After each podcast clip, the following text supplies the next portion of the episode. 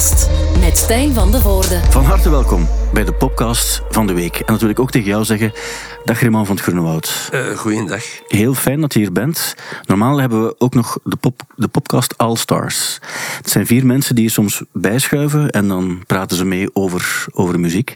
Maar ik heb het nu bewust uh, niet gedaan, omdat ik denk, het is de allereerste keer dat we, dat we jou hier hebben. En het is nogthans de 154ste podcast of zo.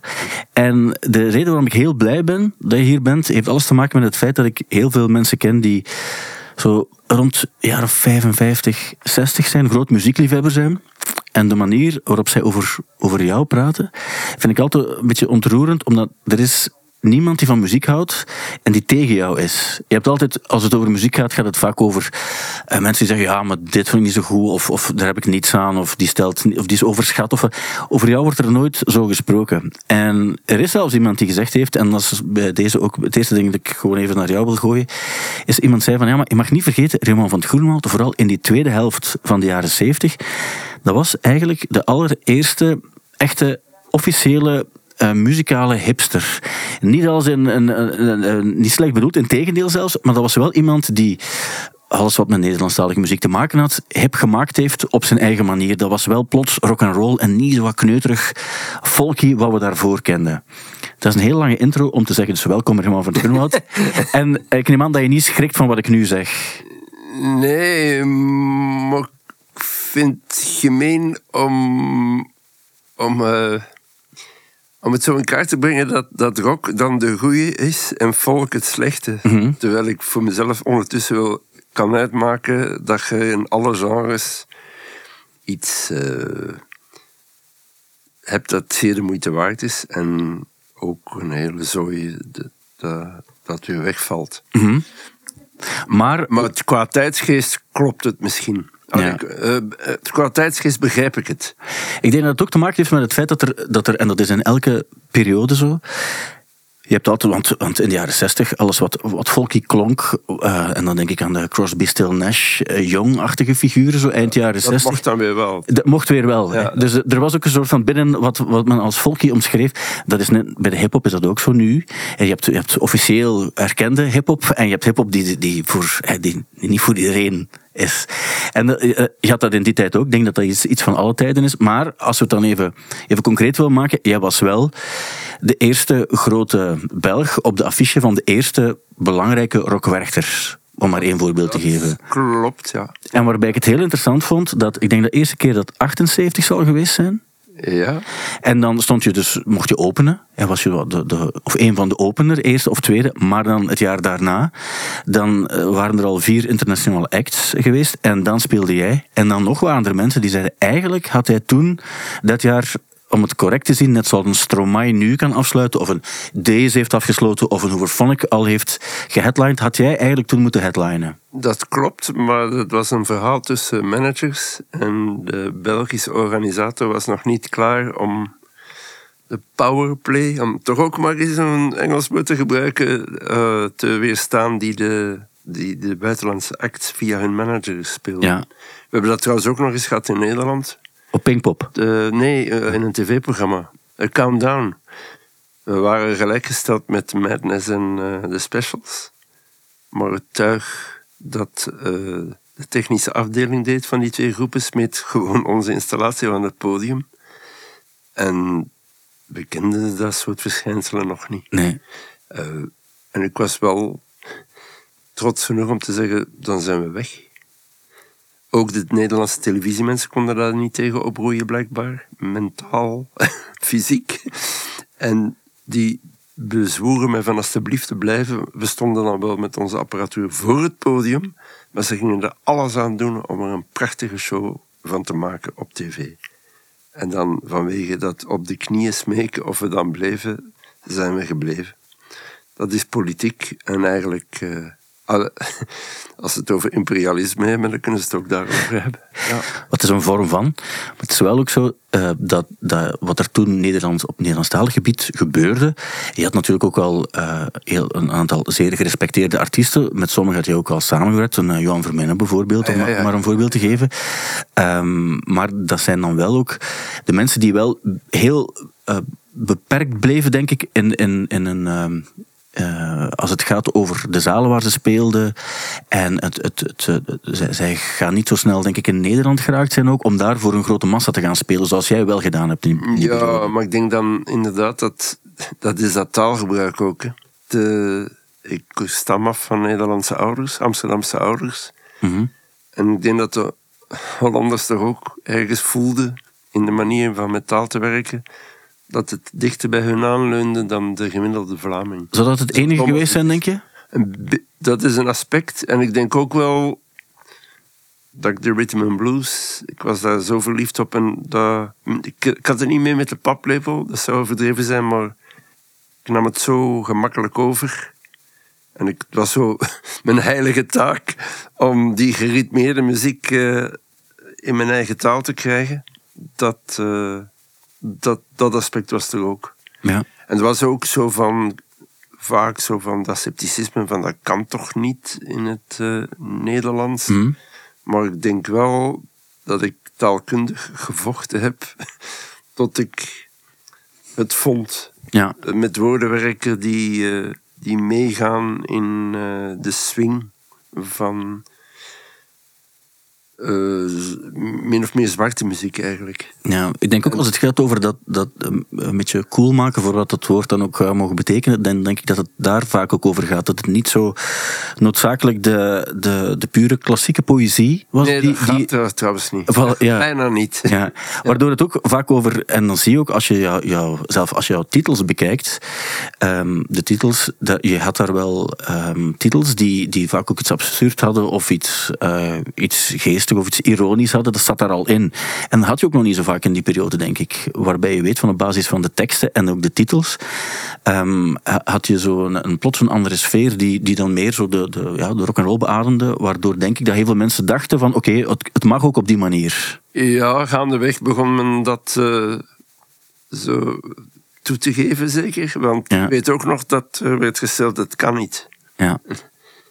Jip Holstein van de Telegraaf, die zie ik duidelijk voor me. Die had sympathie voor wat ik deed, maar uiteindelijk besloot hij in een gevecht met zichzelf zeker van nee, het kan eigenlijk niet. Ja. In principe is het niet mogelijk. Dit is technisch niet echt mogelijk. Eh, hoezo technisch? Dat, dat was zijn gevoel ook. Ja, van, eh, ja we- ik, weet niet waarom, want uiteindelijk eh wemelt het nu van eh blanke Nederlandstalige mensen Ja. die, die gebruik maken van drums, bas, ritmepatronen. En ik denk dan, om terug bij mijn startpunt te komen, als het gaat bij sommige mensen die zeggen, iemand die het Nederlands dan cool gemaakt heeft, misschien gaat het dan specifiek daarover, waarbij er gezegd wordt van, je hebt iets anders gedaan met het Nederlands, waardoor je over welk genre het ook gaat, en dan kan dat nu misschien ook meer met hip-hop en zo te maken hebben. Je kan, als je trouw blijft aan, aan hoe je normaal spreekt en hoe je iets wil laten klinken, kan je er iets mee Ja. doen. Ja. Trouwens, ik was begonnen met een tekst te schrijven die, die, die ik geweldig vond. Maar toen ik hem moest gekoud krijgen in functie van de muziek, was het veel te veel. Zoals Otis Redding over Bob Dylan ook zei, ooit zei, too wordy. Ja. En dan voelde ik, er klopt nog iets niet. En dan begon ik eigenlijk te begrijpen dat, dat je al mompelend door de dag heen moet ontdekken wat er makkelijk loopt qua uitspraak in de muziek die je al voor je hebt. Ja. De, de reden waarom je hier bent vandaag heeft alles te maken met het feit dat je een, ehm, een nieuw album uit hebt, getiteld Egoïst. Ik heb daar heel mooie woorden over gelezen. Die komen toevallig van jouw zoon ook. Ehm, maar ik geloof ze wel helemaal. En de manier waarop hij spreekt over, over het, eh, het nieuwe album dat nu uit is, waarbij ik nog altijd niet weet hoeveel het exact is. Sommige mensen zeggen het achttiende. Ik ook niet. Sommigen het vijfde. Maar het heeft al te maken met het feit dat, dat er soms in Nederland dingen uitkwamen. Soms heb je ook compilaties, live albums ook. Dat telt ook niet, hè. Mijn eerste live album, dat zie ik nog als een, eh, een project op zich. Omdat Ja. het zo spannend was en omdat er toegevoegde liedjes waren ten opzichte van wat er al was. Mhm. Maar goed, Het doet er ook niet toe natuurlijk. Maar het is wel interessant omdat eh, ja, jij, je bent 73 ja, op dit ogenblik. En dan zou je ook kunnen zeggen, ik ga misschien nog wat muziek maken, maar niet noodzakelijk om ook een album uit te brengen of om daarmee te gaan spelen ook en zo. Maar je zegt van, ik ga dat wel doen, omdat je nog ergens wel, denk ik dan, de, de, eh, de charme ziet in het, in het opnemen van een album en dat ook uit te brengen en ook op een plaats zoals hier dan te komen zitten om er ook over te praten. Dat is... eh, Ik weet dat je niet zo graag praat over muziek. Nee, maar het is Ah. uiteindelijk waar. Maar het, het- is ook een gelukkig toeval geweest. Ik, ik had eigenlijk begrepen na de vorige LP dat ik eh, nog in dromenland zat en de realiteit niet kende van eh, dat die hele markt ineengestort is. Maar door een gelukkig toeval was het zo dat ik per se een liedje van Stoomboot wou produceren. Omdat ik vond dat hij tot dan toe elke keer verzoop in, zijn, in de mixen die er gemaakt werden van zijn liedjes. Hij heeft ook, daarin was ik zijn voorganger, hij heeft een, een iets wat eigenaardige uitspraak ook. En om dat te doen kreeg ik de tip om in een betaalbare studio op een half uur rijden van mijn adres, om daar, om daar mijn ding te doen. En dat is me nou zo meegevallen. En ook het budget, vergeleken met de grote studio's die ik gewoon was, dat ik dacht, op die manier kan ik minstens een experiment doen van een eigen liedje op te nemen. En dan in overleg met de manager, die mij bijstaat vanaf 1984, zagen we het zitten om zowel een platenfirma te vinden die, die dichterbij was dan een Hollandse platenfirma waar men volgens mij niet zo goed weet wat er in Vlaanderen gebeurt. Mhm. Dan, en dan na het vinden van die platenfirma was er een akkoord van het is de moeite om nog een keer zo'n ding te maken dat ze een LP noemen. Ja. Ten meer dat ze bij die firma News, om ze bij naam te noemen, daar met die gegevens kunnen werken. Ja. Met LP's, met CD's. Ze weten nog natuurlijk beter dan ik wat streaming is. Maar on- ik mag gewoon in, de, in mijn middeleeuwen blijven zitten en, en dromen van een LP maken. Ik- Dat Ja. vind ik nog altijd zo mooi als idee, dat wanneer je de rubriek niet ferm aan scheurt, dat ik het ook wil doen. Ja, want zo'n LP maken, dat, eh, je hebt er veel ervaring mee, maar je hebt ook veel perioden meegemaakt. eh, waarbij soms was het een eh, enkel LP als je begon, dan eh, zullen er cassettes bijgekomen zijn en ook CD's. Zeker in de jaren 90. Ik denk dat als je het zo bekijkt, als het gaat over aantallen, heb je misschien toch nog altijd het meeste CD's verkocht. Klopt dat? Als het gaat over het fysieke product, waar de, de fysieke drager. Ik weet niet, eh, ik, er is eh, de LP die het beste verkocht heeft, het heette toch ook LP, dat was die, eh, de Best Of. Ja. en Best Of in de jaren 90. Begin, begin jaren 90, met liefde voor muziek. eh, eh, Wel liefde voor muziek opstond. Opstond, ja. En die curieuze Best Of was, omdat ik met mijn eigen wijze kop per se een heel aantal nummers opnieuw wou opnemen. De nummers, de, over de nummers was geen discussie, dat waren de populairste nummers, min of meer. Maar dan had ik de John Lennon ziekte van, ja, eigenlijk vind ik geen opname tot nu toe geschikt, dus ik wil een herkansing. Maar goed, dat is een verhaal apart. Ja. Het is wel heel interessant wat je vertelt, want eh, Tom van Laren, waar je ook mee samengewerkt hebt, die nog een plaat van jou geproduceerd heeft ook. Ja, ja, en die dat heel goed gedaan heeft. Ja. Als hij het hoort, des te beter. Admiral Freebie is dat dus. En ehm eh, Jos Wegers was hier eh, onlangs ook. En als zij naar hun allereerste albums terug luisteren, hebben ze het gevoel van, ik snap het wel en ik weet waarom het toen gemaakt is op die manier. Ehm, maar ik vind het eigenlijk niet leuk om terug te beluisteren, want ik, zou, ik hoor nu nummers die ik anders had willen opnemen. En heel veel mensen zijn, eh, ondanks het feit dat ze wel snappen waarom het toen zo opgenomen is, zijn ze vaak niet zo heel blij om een eerste werk terug te horen, omdat ze altijd het gevoel hebben, ach, was ergens toch een gemiste kans.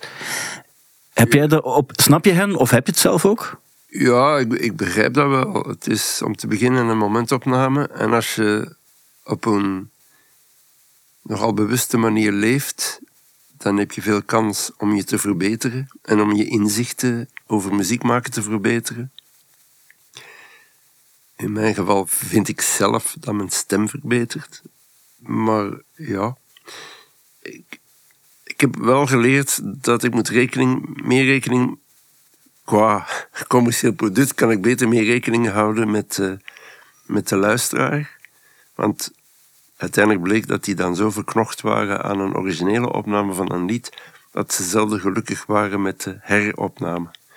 En dan, be- dan begon ik ook te denken, jongens, al die moeite in een studio om, te, om voor mezelf te bewijzen, kijk, het komt beter, om uiteindelijk te horen, ja, maar nee, dat is niet wat ik wou. Maar dat heeft misschien ook te maken met het feit dat je live zoveel speelt. En je, je speelt die nummers dan zo vaak.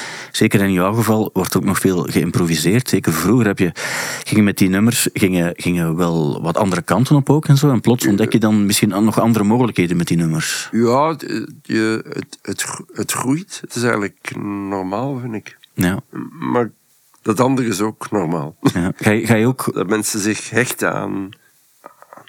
dat, dat geluid. Ja. Ja, ja, ik heb dat zelf ook. Nummers die ik zeer goed vind, heb ik niet altijd graag dat die in andere versies worden gespeeld. Want som, de kans dat het, dat het nog beter wordt live is reëel, maar die is kleiner dan, dan als het eh, strikt bij het origineel blijft. Qua. Ja, het, het komt maar uit boksen. Hè. Ja. Live kan ik nog gedaan krijgen dat ze geloven dat het, eh, dat het groeit. Ja. Dat krijg ik trouwens vaak als compliment en dat vind ik fijn. Want als, als de meningen diametraal te- tegenovergesteld zijn non-stop, wordt het natuurlijk lastig Ja. voor het zelfbeeld. Ja. Maar, eh, maar het is, eh, dat vind ik het fijne aan het leven en aan het muzikaal leven. Dat je, dat er, dat je inzichten kan verwerven. Je verliest aan energie. Mhm. Maar je, wint, je kan winnen aan inzichten en je kan vooral winnen door, de, door het stijgend besef meer met minder. ja. Is dat echt zo? Maar, want, je dat hebt... is, dat is eh, fantastisch om te ervaren en om, en om te beseffen. Ja. Ja, want het is wel zo dat, dat jouw, jouw eerste nummers die je gemaakt hebt en waar je ook succes mee gehad hebt, wa- waren op zich ook in, in samenstelling toch op zijn minst ook, ook de basics waar je mee werkte. Eh, Ik bedoel dan qua instrumenten. Ah, qua eh, sober, eh, ja, eh, ja, ja, maar het is ook timing en zo. Hè. Ah ja, oké, oké. Van zingen en... Ja, dat is... Ja, nu, ik begrijp wat je bedoelt hoor. Maar eh, Maar het gaat meer over, over kleine muzie- muzikaal-technische dingen misschien. ja, het gaat over, over, blijkbaar over kleine dingen die voor mij van belang zijn. Ja. Maar nu verras je mij door te zeggen... Dat is ook zo, hè, dat het eh, sober instrumentarium is. Maar de, er wordt makkelijk te veel gespeeld, ook met sober instrumentarium. En de, ik had het ook zelf kunnen uitvinden, maar het is natuurlijk chiquer om Miles Davis eh, te citeren en elke keer weer terug te komen. Het gaat niet alleen om de noten die je speelt, integendeel, het gaat vooral over de pauzes die je tussen de noten laat. Ja, de, de, Timing en dosering, dat zei ook een, een goeroe van mij uit mijn vroege leven. En ik begreep hem wel, maar eh, dat is theoretisch begrijpen. ja. In de praktijk begrijpen, daar heb je gewoon tijd voor nodig. Ja, eh, wat me er trouwens aan doet denken. Normaal begin ik de podcast altijd met een quote van een eh, muzikant. Niemand weet waarom ik dat doe, maar dat is een beetje de gewoonte. Ik heb het nu niet gedaan, omdat het een beetje een andere podcast is. Maar je hebt het nu gedaan met de woorden van Miles Davis, wat op zich ook wel, eh, wel goed is. Wat me er ook aan doet denken, sorry dat ik het even moet onder... Ik had een quote van B.B. King trouwens nu klaarstaan. Zal ik hem toch nog geven? Ja, graag. Hij heeft ooit ge- The beautiful thing about learning is that nobody can take it away from you. Bijvoorbeeld. Dat Ik weet het niet of het de, de diepste quote is die we ooit gehad hebben, maar Ja. het, is een belangrijk, het is een belangrijke levensles. En nu ik het eh, ook zie, dit moet ik er ook nog even kort bij vertellen voor we onmiddellijk verder gaan. En ik weet waar we gestopt zijn, voor alle duidelijkheid, maar ik mag het niet vergeten, hebben ze mij eh, heel duidelijk gezegd en 100% terecht. Dus vorige week hebben we de podcast in de AB aangekondigd. We gaan, eh, voor de warmste week gaan we naar de AB. En ehm, de ticketverkoop zit over de helft op dit ogenblik. Otto Jan Ham, Lennart Korevits, Thibaut Christiaans en Kirsten Lemeyre gaan erbij zijn. Het wordt een muzikaal jaaroverzicht dat we daar gaan brengen. Met ook muzikanten die daar een aantal nummers gaan spelen. En ik moet er dus nog even bij vertellen. De tickets zijn te kopen via de site van de AB. En die kosten 23 euro. En dat geld gaat allemaal naar de warmste week. Dus eh, kom op tijd, of eh, koop op tijd tickets als je erbij wil zijn. Dat moest ik nog zeggen. Sorry daarvoor, Remo. En, want de komende twee weken zijn er geen podcasts. Dus ehm, ik wil het nu nog eens duidelijk gezegd hebben. Maar terug over naar de essentie. En dat is dus jouw nieuwe album Egoïst. Waarbij jij nu zegt, eh, ik wil dit graag maken. Want ik, ik kon het op mijn manier doen. Onder de juiste voorwaarden. Namelijk ook niet te ver van waar je woont. En eh, betaalbaar. En ehm, zelf ook als producer. Want je bent nu zelf ook producer van jouw album. En dat is de allereerste keer. Ja, maar Ik, ik, dat begrijp ik niet zo goed, omdat ik altijd zou denken: je hebt zo'n inzicht in muziek, je hebt zoveel eh, dingen al gedaan. Waarom heb je dan nog voor die andere platen wel een producer nodig gehad? Omdat ik van mezelf weet dat ik niet geduldig ben. Eigenlijk ben ik ook in de studio nog bezig met een live artiest te zijn. En ik- ja, ik- dat is die, die, die richting die ook vertolkt wordt door Bob Dylan en John Lennon. eh. ik ben in vorm, ik zet het erop en ik ben klaar. Maar je maakt natuurlijk niet echt gebruik dan van een studio. En dat ben ik ook niet van plan om het à la Pink Floyd te doen. Dat ik zo eh, twee zinnen heb en dat we dan kunnen gaan zien wat je met die twee zinnen kunt doen o- in de loop van zes maanden. Maar vind je het interessant als anderen het doen? Ik bedoel, ik, Eh, ik vind dat de balans goed moet zijn tussen het directe en wat je er mee kunt doen met wat er aan faciliteiten is in een studio. En dat allemaal nog eens in de naam van een goede smaak. Vind je dat bijvoorbeeld de Beatles in de tweede helft van de jaren 60, toen ze in Abbey Road plots de kans kregen om met alles te experimenteren en met de echo chambers en zo die er waren, dat ze in, uh, in bepaalde nummers dan te ver gegaan zijn in het experiment, wat dan de, de, de song niet ten goede kwam? Uh, het is mooi dat je dat aanbrengt, hoor. maar dan is mijn associatie dat ze met, uh, met een korte, stevige rocknummers een live set deden. Dat ze op het moment van Rubber Soul ook nog optraden, of tv. En dat je ziet dat dat, dat, dat minder impact heeft. Nowhere Man vind ik op zich een nummer dat ik graag hoor op die plaat. Maar als ze dat dan live doen, is het. Uh, dat mist onmiddellijke impact. En als ik naar de studio ga, is dat wel met de bedoeling om, om nummers te doen die ik later ook, of tegelijk ook op het podium breng. Mm Daar moet een. Daar moet iets ondubbelzinnig direct in zitten. Ja. Maar het cadeau van deze productie is dat, dat, ik, dat de band met de technieker zo interessant werd. Omdat hij ideetjes had die mijn manier van werken weghaalde van gewoon maar registreren van wat we live zouden doen. En normaal reageer ik in de stijl van, wauw, nee, nee. Dat, dat, dat soort type verfraaiing, dat, vind ik niet zo leuk. Maar door wat ik zijn goede smaak noem en zijn goede ideeën, maakte ik van alles mee, waardoor ik dacht, oh, tof zeg. En onder meer ook enthousiasmering. Uh, en het is een gitarist, hè, die mhm. technieken. Ik kom toe met mijn gitaar, met als basisidee, dat is mijn gitaar, ik ken die goed. En zo moet het dus zijn. Maar dan springt die gast plotseling recht, haalt een van zijn gitaren, steekt dat in mijn polder en moet dat eens proberen. En dan hoor ik, maar allee, dat klinkt gewoon toffer. Ja. Die maakt, me, van mij, die maakt mij beter door pedalletjes eh, in te stellen, door mij een andere gitaar te geven, door zo enthousiast rond te springen ook. En je zou zeggen, een andere gitarist die zou beter, je verwachteerde dat hem zou zeggen, zo, laat mij dat maar spelen. Ja. Want dat is een echte gitarist. Ik ben iemand die iets uitvindt op gitaar en er half in slaagt, meestal. Maar hij was degene die zorgde dat ik er niet half in slaag, maar 85 procent. Ja. Ik denk niet heel veel mensen het ermee eens zijn dat uh, je jezelf een half uh, getalenteerd muzika- uh, gitarist noemt. Want dat ben je natuurlijk helemaal niet. Nee, nee, nee. Maar emotioneel kan ik iets. Maar, maar motorisch technisch kom ik niet ver. Dat weet ik heel goed. En dat is geen valse bescheidenheid. En dat is ook geen drama. Ja. Dan moet ik niet proberen eh, een nummer van Van Helen na te spelen. Nee. Dat zal in geen honderd jaar lukken. Het is vanuit het maar principe... ik kan wel iets doen met uh, bluesy. Mhm.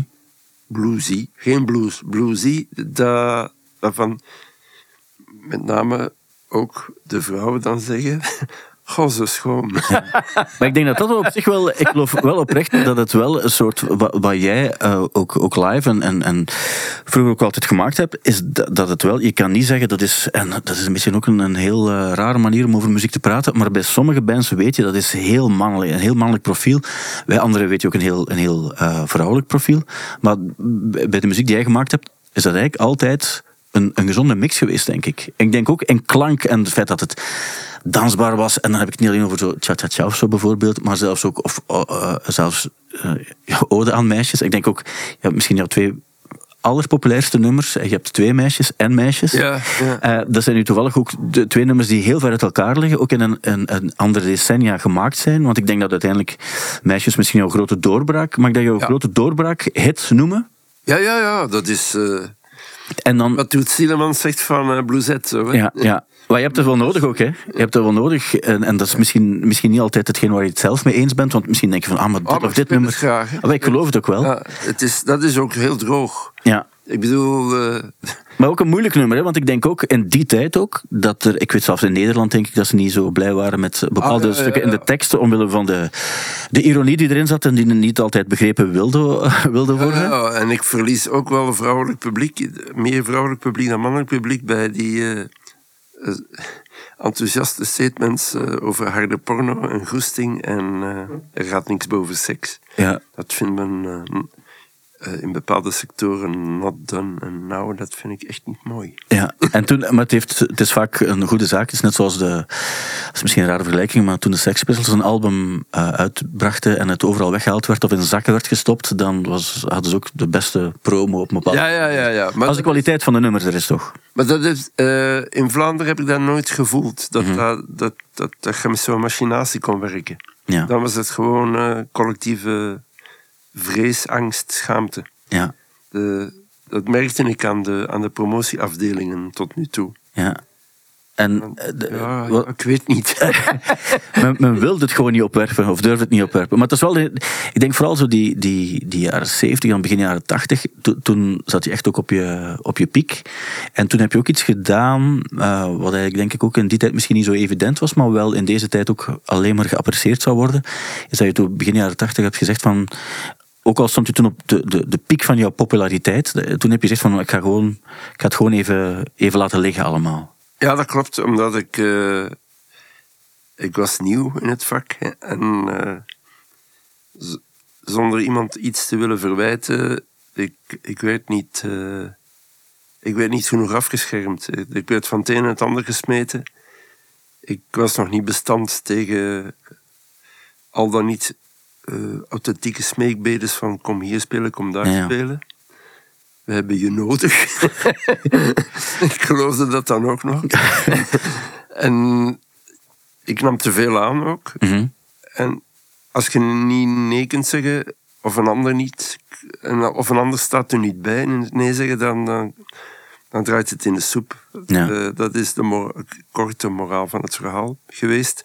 Waardoor ik eh, plots alleen maar als oplossing zag, weet je wat, dan stop ik. Maar is het dan ook niet toevallig, als je dan zegt, eh, in 84 heb ik dan de manager eh, aangeworven, de persoon waar je nu nog steeds mee werkt. Ja, En dat is dan iemand waar je op kon rekenen. En zo is het. ja die speelt een belangrijke rol Ja. in het eh, welbevinden rond het werk. Ja.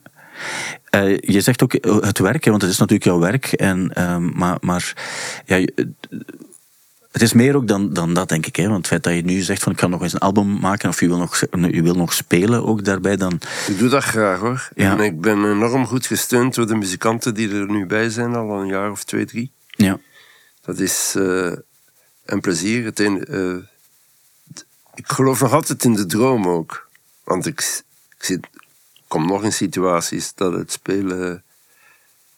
dat ik daarbij niet goed in mijn vel zit. Maar ik vergeet dat dan graag. Want ik, de goede dingen zijn er.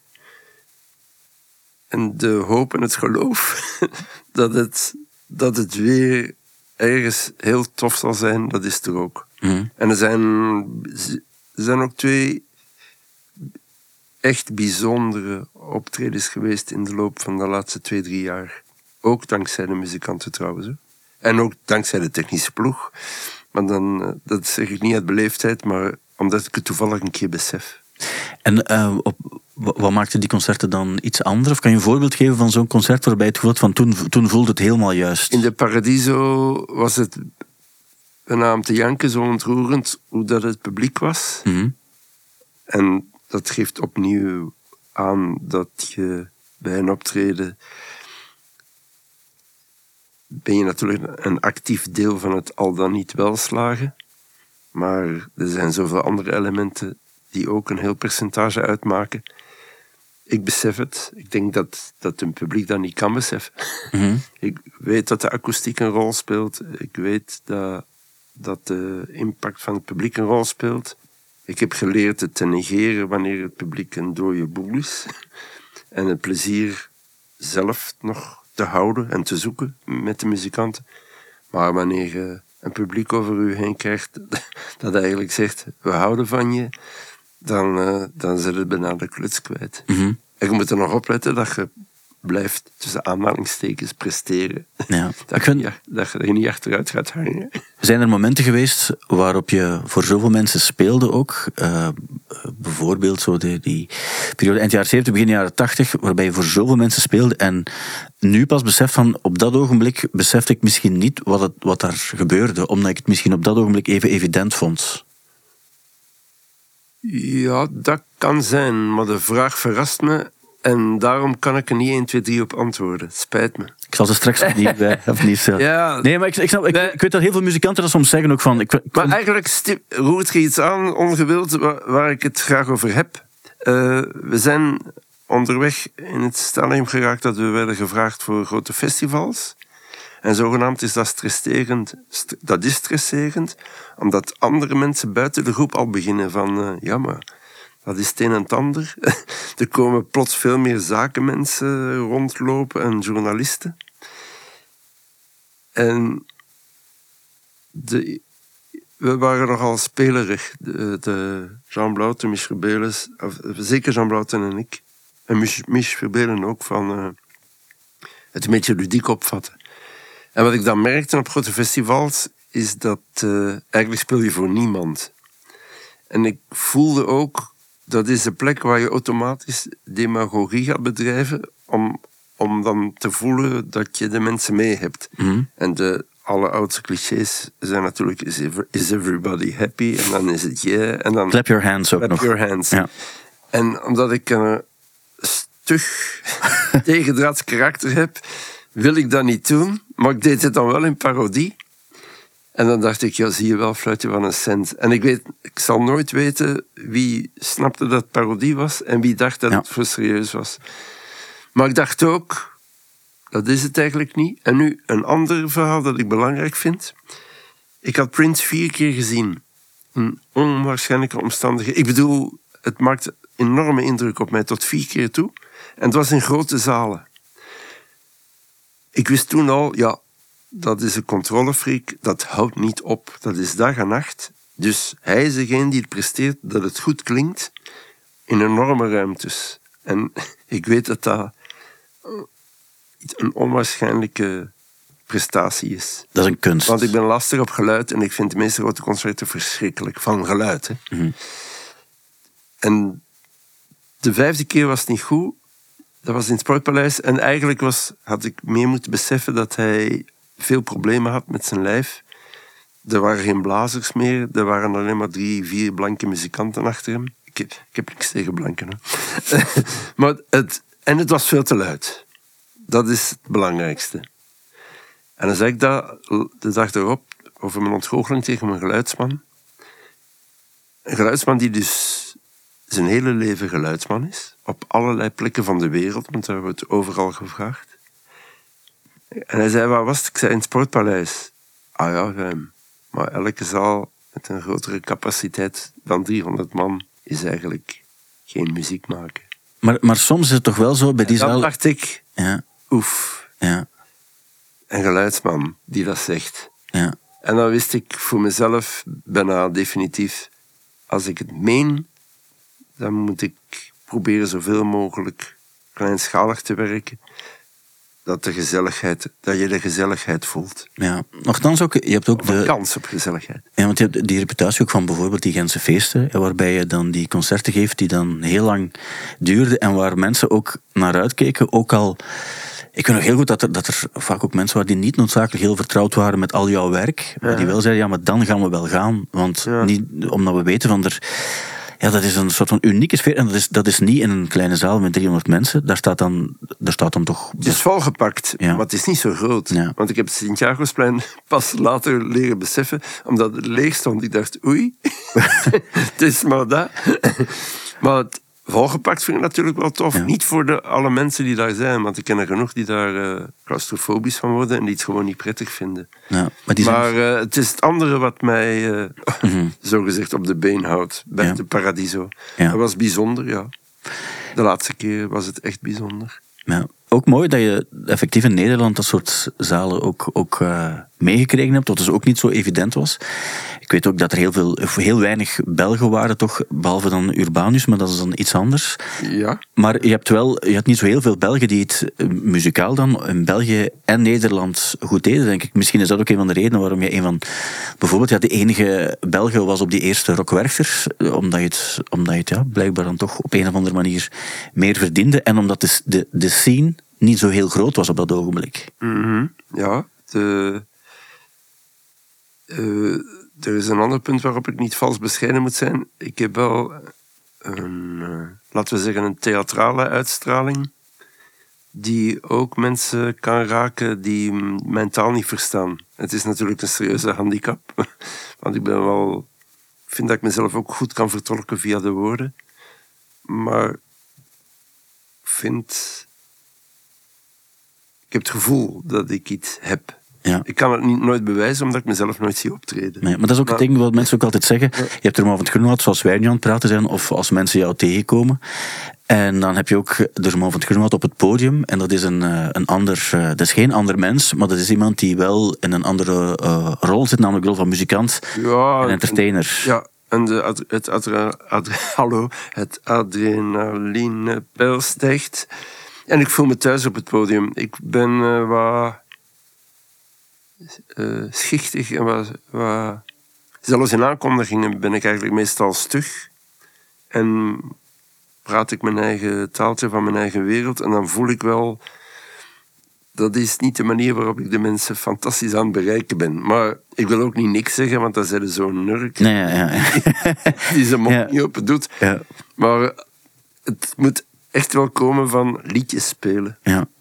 En, en, en zo, zo gebeurt het natuurlijk ook al, eh, al, al heel lang. Ehm, je zei net ook van, ja, ik vind het plezant en, en Jean Blaute zat zo in elkaar en ik ook. Wij, wij namen dit, eh, ik, klopt het als ik het zeg, dat je wat je muzikaal doet, dat je dat heel serieus neemt, vandaar ook jouw interesse voor de klank enzovoort, maar dat je niet snel onder de indruk bent van de omstandigheden of het feit dat je een affiche deelt met Dire Straits bijvoorbeeld, dat Ah, is nee, niet, nee, niet dat- iets waarbij je gaat denken van, ik- je gaat daar geen stress van krijgen. Nee, ik vind het natuurlijk wel fijn wanneer eh Mark Knopfler zijn zware hand op mijn schouder legt en zegt dat hij het tof vond wat we deden.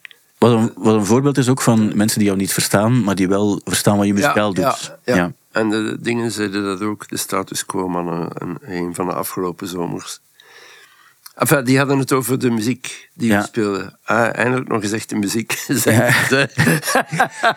Maar ik kan me Maar voorstellen... ja, status quo is natuurlijk ook van een generatie waarbij de gitaar wordt gebruikt en drums en bas. En dat ze de, die zullen waarschijnlijk zeggen van ja, dat gedoe met knoppen. En, eh, Ja, en toch, is een, eh, Mark Knopfler is ook iemand die omwille van zijn gitaarspel eh, geprezen is. En die ook weet hoe een goed nummer in elkaar zit. ja, Het zijn toch complimenten, want ik kan me voorstellen dat je dan niet altijd onder de indruk bent van de status van iemand, maar wel wat die muzikaal kan. En dan betekent een compliment toch soms toch net iets meer. ja, het betekent zeker iets. En de oudste anekdote, waar ooit nog Herman Brusselmans hatelijk over deed, maar ik weet niet waarom.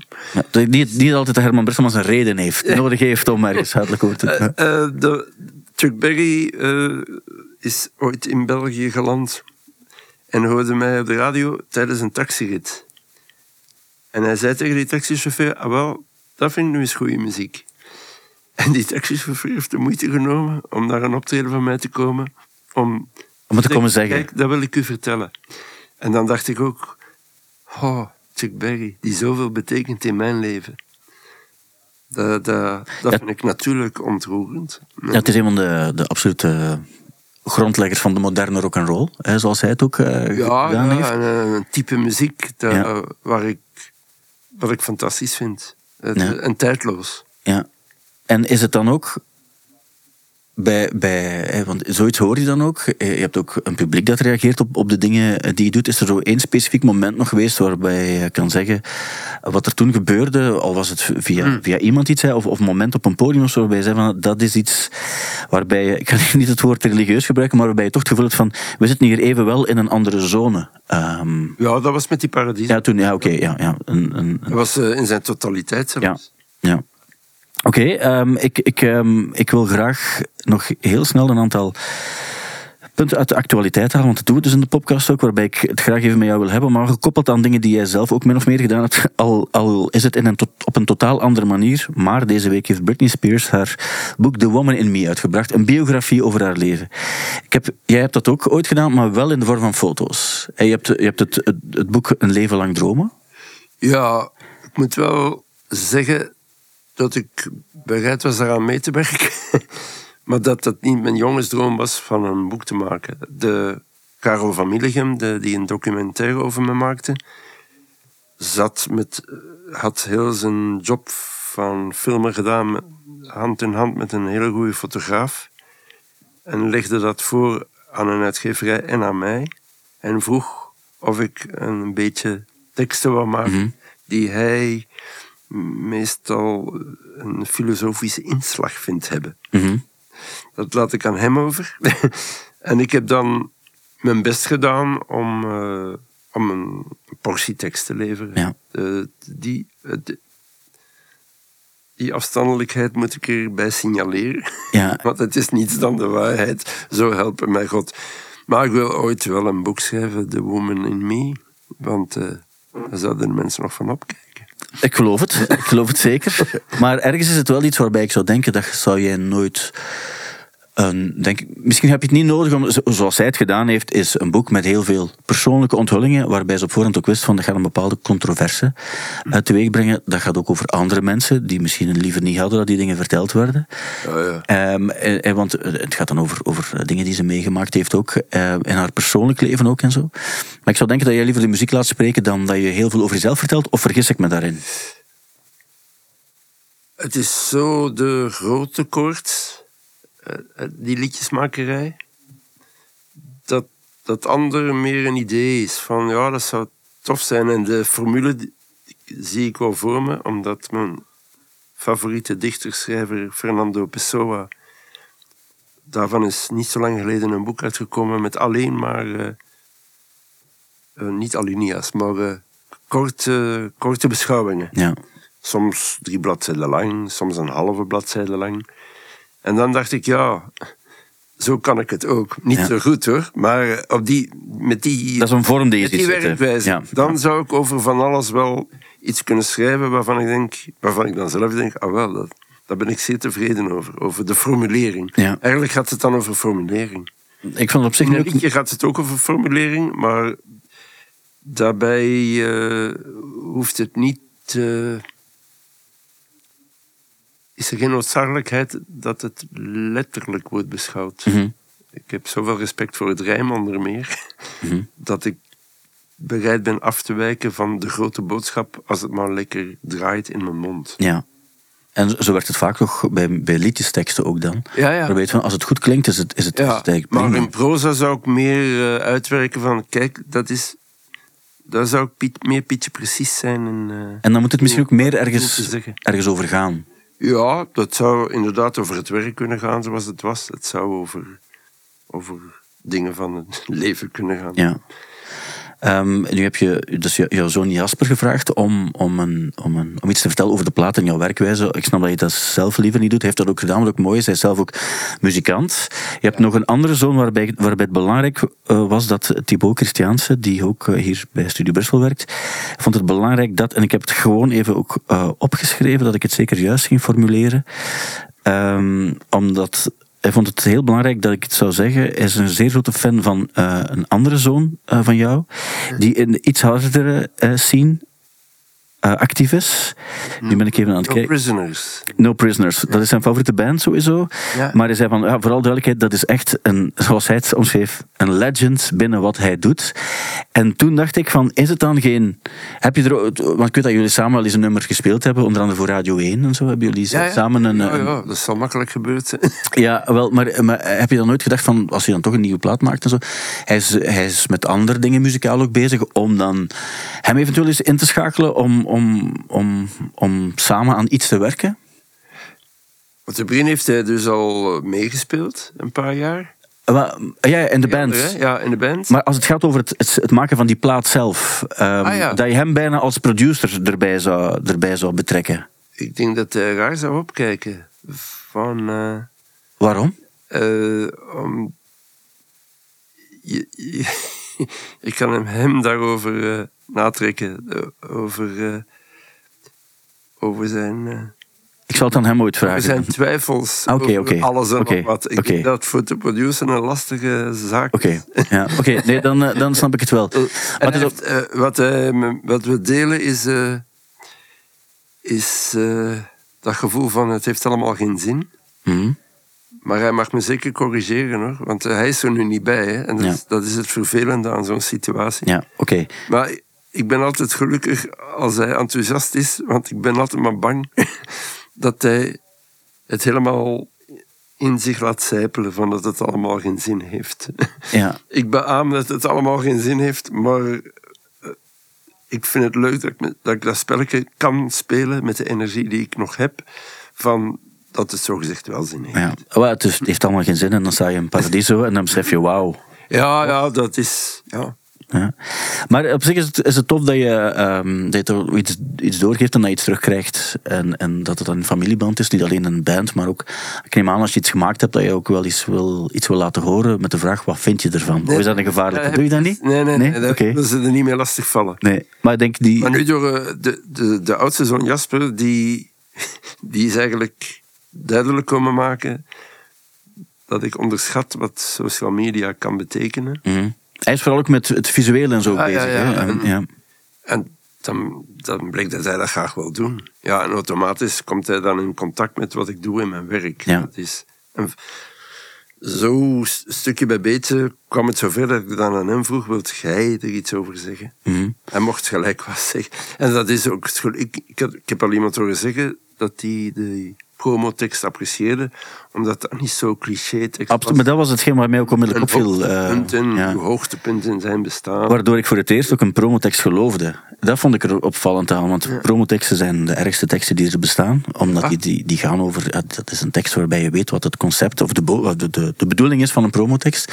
Maar nu geloofde ik het, of wil ik het allemaal veel makkelijker een kans geven, omdat je toch, binnen het feit dat je weet waarvoor het dient, dat je toch een soort van oprechtheid erin las. En ik denk dat, dat je, ehm, dat, je dat zie je niet in promoteksten. Zijn soms, eigenlijk zou je, dat zou een heel interessante bundel zijn van promoteksten. om dan ook achteraf eens te bekijken. theaterboekjes, die, Wat, eh, die- de programmaboekjes van het seizoen. Alles is eh, fantastisch. Ik woon in de, in de, in de verder prachtige stad Sint-Niklaas. En daar hebben we een, een, een, cinema, de Cinescoop. En de promoteksten vroeger waren altijd twee zinnen die wel min of meer over de film gingen. En dan eindigde de tekst. En dan, en dan gaan de poppen aan het dansen. Ongeveer elke promotekst werd zo geschreven. En dan weet je van, nou, dat is dan de suspense die toch even naar boven komt. Maar als je dat leest, dat er bij alle films de poppen aan het dansen gaan, dan weet je dat er iets, eh, iets eh, niet zo meer klopt. Er is ook een tijd geweest, en dat weet ik ook heel goed, dat je in, je bent een, een zeer straf live muzikant en je hebt zoveel nummers gemaakt ook en zo, maar er is een tijd geweest, meer, meer specifiek de jaren 90, waarbij het ook wat de bedoeling was of dat je, dat je muziek kon gaan promoten. Op een podium, zijn er dan wel in het programma 10 om te zien, eh, bijvoorbeeld. En ik weet dat je het ook altijd gedaan hebt, en ik denk dat je daar ook dat ook een slimme zet is geweest, omdat je daardoor ook zeer goede nummers wel bij een breder publiek hebt gekregen, waardoor die nummers ook meer ehm, een bestaansrecht kregen bij, bij een, een, een, een breed publiek. Of die, zij maakten er toch ook kennis mee. Ehm, maar dan denk ik wel, ook in jouw geval, je, je stond daar dan ook wel. Hoe kijk je daar dan op terug, op die tijd waarbij je dan misschien vaak moest gaan playbacken of in een omgeving kwam waarbij je dacht van, niet iedereen bekijkt muziek op dezelfde manier zoals ik dat doe. Ja, de- dat is een moeilijke. Ehm, wacht, hè. Ik kan wel verklappen dat ik tv-werk niet graag doe. In naam van het ongeduld ook. De verhouding wachten en iets doen ligt zeer scheef in mijn oog. Ehm, ik zorgde er wel voor, ik denk eh, 99 keer op 100, dat ik zelf minstens live zong. Mhm. En de andere wereld leren kennen, dat is eigenlijk een goede les voor mensen zoals ik. Want dat helpt vooroordelen wegwerken. Mhm. Niet alle vooroordelen tegelijk hoor. Maar eh, als iemand andere muziek maakt dan jezelf en een andere levenshouding heeft Mhm. in zijn muziek, via tekst en zo, dan jezelf, en daarmee scoort, dan heb je als eerste, enfin, dan heb ik als eerste reflex, dat is het vooroordeel, dat dat fake is. Ja. En dat heb ik gaandeweg wel geleerd en daar ben ik wel opgelucht mee. Oh, Eh, Blij is veel gezegd. Eh, dat, dat er heel veel mensen zijn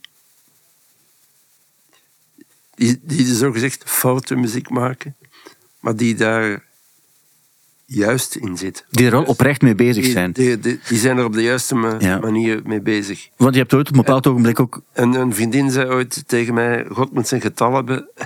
En dat kun je op twee manier interpreteren. Uh-huh. Maar ik vind dat het eh, op zo'n moment dat er over gepraat wordt, ik vind dat het eh, absoluut positief mag Maar dat, dat is ook het mooie dat je binnen wat je doet en, en ook, eh, ook waar je ook altijd voor gestaan hebt en ook in bepaalde perioden ook wel nog meer voor betekende. En je hebt op een bepaald ogenblik ook wel eens een duet met, met bijvoorbeeld Slomsy van ons gedaan. Ah ja, maar de haren had ik zien beginnen op een podium. Mhm. Dat was live. En ik dacht, amai, die heeft pit. Absoluut. Eh, maar je hebt het ook met, met Bart Kuil. Heb je wel eens een, een, Ja. een duet opgenomen? Dat ik weet dat het op vraag was van. eh, Ja, ja, eh, vraag van. Maar, dat, dat is inderdaad dan ook, dan zit Bart in dezelfde ruimte, babbelt over zijn dagelijks leven en over zijn visie op muziek. mhm. En dan, dat doet deugd. Ja. Dat is- de- ik vond het ook grappig hoe, hoe hij uitlegde hoe hij zijn muziekjes maakt. In functie van een taal legde hij uit.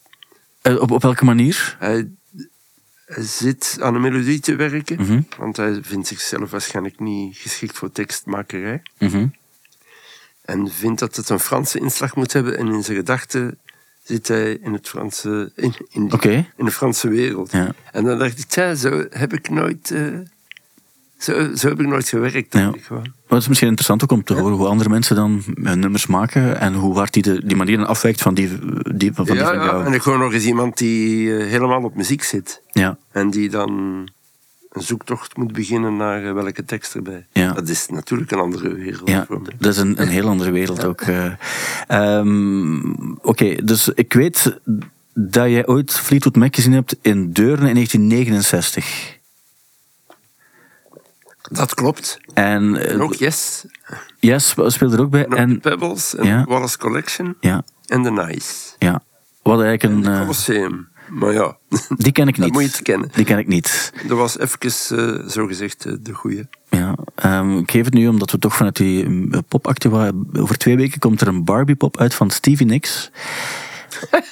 en die was binnen de vijf minuten helemaal uitverkocht, wereldwijd. Dat geeft eh, een idee. Ja, wel, ik weet het niet. Ze, ze zijn nu met een Legend-collectie bezig, je weet nooit. Ehm, maar ja, Fleetwood Mac in Deurne in 1969, dat moet een van de eerste grote ja, optredens geweest zijn in ons land, denk ik. Als het gaat bijna... Het was een indoor gegeven, het was een indoor... First International Pop Festival. Zo heette het ook, hè? dat was de naam. Door Louis de Vries, een van mijn managers van vroeger. Oké, En ja. een man met wie ik een hele goede band heb. Oké.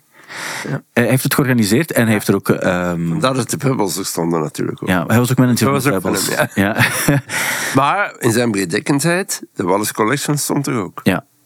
Die op dat ogenblik... Daar kunnen huidige organisatoren iets van leren. Ja, ja, ja dat, is, dat is niet meer zo, hè? Wat niet in een stal zit, dat dat ook een plaats krijgt. Ja.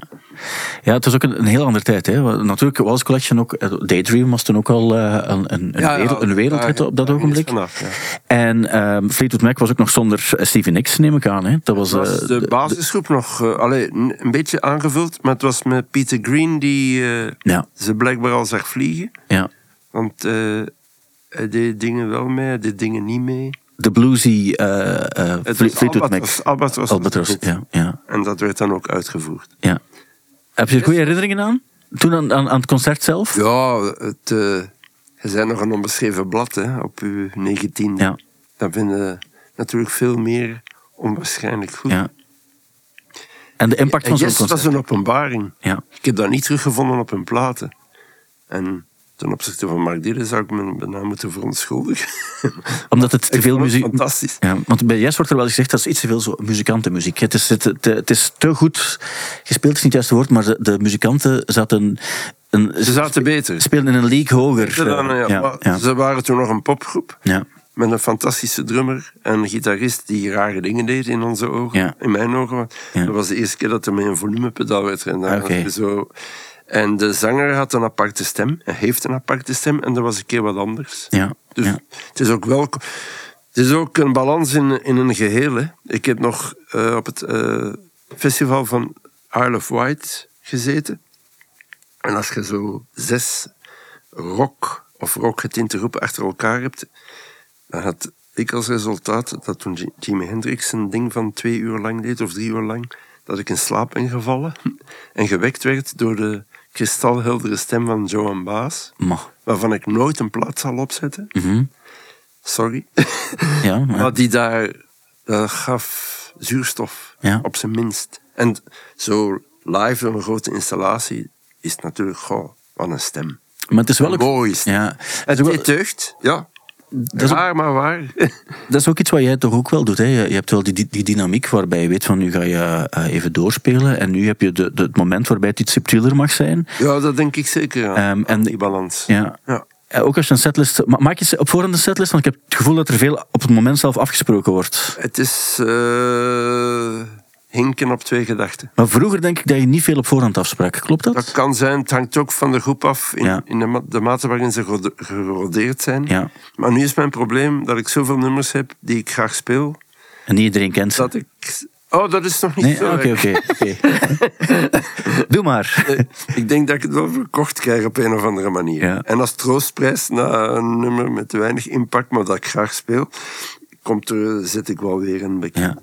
De, ja, het is... eh, in principe is het niet zo goed, vind ik, om de lijst vast te leggen. Ja. Omdat... Hoe heet het? Die parameters kan je niet, Ja. niet op voorhand bepalen. Mhm. Eh, eh, ja, het is een beetje als een DJ. Die gaat ook niet op voorhand bepalen welke nummers hij gaat spelen. Want het moment kan soms bepalen dat je beter andere liedjes daar speelt. heeft hij eh. geluk met zijn job, vind ik. Ja, ja. Want om een, heel, eh, een- om een hele boot te doen eh, Nee. keren, dat is eh, Ja. lastiger. Ehm, Adamo wordt 80 jaar volgende week. Eh, je hebt de Rolling Stones die nog steeds optreden ook, een album hebben uitgebracht. Vorige week heb je het gehoord. Nee. Hackney Diamonds. Al, al iets van gehoord of niet? Nog niets van gehoord? Nee. Interesseert het jou om, om het nog te beluisteren? Eh, nee, Ook niet vanuit een bepaalde interesse van, ik wil het wel eens één keer gehoord hebben? ook niet. Nee? Maar- En wa- waarom eh, niet? Ja, waarom? Nee, ik zou denken dat Dat is je... een goede vraag. Ja. Maar ik wil, ze, ik wil ze wel stellen, omdat ik denk van, je, je gaat toch, al was het maar in de jaren zestig, heb, heb je toch waarschijnlijk wel een moment gehad waarbij je dacht van, Rolling Stones, wauw, wel een coole band. Ik heb dat twee keer echt gedacht. Dat is toen Beggars Banquet uitkwam. En nog meer toen Exile on Main Street uitkwam. Ja. De- je, mag, je mocht in de platenzaak een koptelefoon opzetten en een beetje luisteren naar het vinyl. Mhm. En het geluid Ja. vond ik fantastisch. Ja. En ik heb als leek de indruk dat Jimmy Miller een belangrijke producer is geweest in hun bestaan. Ja. Want die heeft te maken met de twee producties die ik noemde. Ja. Dat is toch geen toeval meer. Het zijn, ook, het zijn ook twee van hun grote platen. Eh, als je kijkt wat erop staat, zijn het ook de platen, die, als, als je een top 5 moet geven van Rolling Stones, dan zullen die twee er ook wel in staan, denk ik. Ja, ja. Er is sowieso een heel aantal liedjes dat ik zo Ja. Denk, dat dat is tof. Maar ik vind het raar dat je niet, dat je dan niet, en, ehm, dat je niet benieuwd bent om te horen wat dat eh, voor een band die ook zo lang meegaat nu, wat dat ze nu doen. Niet dat je het ook goed moet vinden, of, of wat, uiteraard, maar Ah, ja. dat, dat je, dat je niet vanuit een soort van bijna, ja, professioneel interesse is niet het juiste woord, maar waarbij je zegt van, ik ga toch eens luisteren. Eh, nu heb je wel iets gevonden waarbij ik opnieuw merk wat er met mij scheelt. Ik heb een eh, raar volume aan gebrek aan nieuwsgierigheid. Maar, Dat, dat geldt niet alleen voor muziek. Het toeval speelt een grotere rol dan eh, het uitkijken naar en nieuwsgierig zijn naar. ja. Ik heb. eh, ik was niet geïnteresseerd in Capverdische muziek. en was ook niet nieuwsgierig, maar ik hoorde plots de stem van Cesaria Evora. Op eh, nota bene een LP van eh, Bregovic, want het kwam uit de film Underground. Mhm. En dan, ik dacht dat ze Service zong. Eh, maar dan bleek dat het dat, Capverdisch Portugees is. Ook op die platen. Maar dan hebben mensen mij geholpen. Van dat is die en die zangeres. En die heeft ook zelf platen gemaakt. En de- ja, dat noem ik toch toeval hoor. Maar het is ook wel mooi dan als je... Merk je Niet op basis. Vroeger ja, Ja. in mijn uh, in twenties las ik eh, LP-besprekingen die ik dan redelijk betrouwbaar vond. Dat hing van het blad af dat ze Ja. afdrukte. En dat volgde ik wel een beetje. Dat, dat wekte nog wel die nieuwsgierigheid. Maar nu is dat er niet meer. Nee. Nee. Het is gewoon eerder als er, als er iets op jouw pad komt dat je dan toevallig hoort en, en goed vindt, dat je dan mee iets beter wil gaan zoeken van wat, wat is het en waar komt het en wil ik er nog meer van horen. Ja, en als mensen waar ik echt mee vertrouwd ben zeggen: Goh, dat, ik heb nu iets gehoord, Ja, ja, dan zoek ik dat toch ook op. Ja, oké. Dat is mooi. Ehm, dan denk ik dat we er ongeveer zijn. We zitten al aan een uur. Ehm, het, is, het is snel gegaan. Ja, het is een beetje een bijzonder, maar ik ben heel blij dat je er was. Ik geef gewoon nog even mee dat is, jouw, jouw gloednieuwe album heet Egoïst. En dat is uit. En we weten niet het hoeveelste album het exact is. Maar we weten wel dat het een van jouw vele eh, albums zal zijn waarbij mensen gaan zeggen het is echt een goede plaat. En bovendien ook, als je naar de cover kijkt van het album, ik kan het niet tonen nu, maar het is wel zeer herkenbaar qua stijl. Misschien moet je daar toch nog één ding over zeggen. Ik heb het geluk dat Ever Meulen bereid was Ja, om, om ook nog eens iets te doen. en te, een tekening te maken bij wat hij had gehoord. Want hij vraagt wel altijd van de liedjes Ja. te horen. En eh, ik vind het... eh, dat, ook dat stemt mij gelukkig. Ik Ja. vind het... En kan, kan geen ander woord vinden. Ik vind het een meerwaarde voor de LP. En, ook de CD. Het ziet er ook fantastisch uit. En, en ook net omdat hij al dingen voor jou heeft gemaakt, heb je... Ja, dat is ook een beetje Die mooi herkenbaarheid dat er de traditie Ja. in komt. Ja. Ik ben de man, eh, cha-cha-cha. Ja, de singles dan. Hè? Ja. Ja. Oké, wel heel fijn. Dankjewel om, eh, om langs te komen, om erover te praten. De, dus de komende twee weken zijn er geen podcasten. ehm, maar daarna zijn we volledig terug met Otto-Jan, Lennart, Kirsten en Thibaut. En eh, hopelijk wil je dan weer kijken. Denk er dus ook aan als je nog naar de AB wil gaan. Je kan nog tickets kopen daarvoor via de site van AB. En dat is allemaal op 18 december, dat is een maandagavond. Eh, het gaat eh, grauw en gru- gruwelijk weer zijn in Brussel. Maar dat is een reden te meer om lekker warm binnen in de AB te zitten. Want op zich een fantastische zaal toch, Raymond? De AB? Oké. Eh, ik zet mijn joker in. maar weet dat veel mensen dat vinden. Graag tot de volgende keer.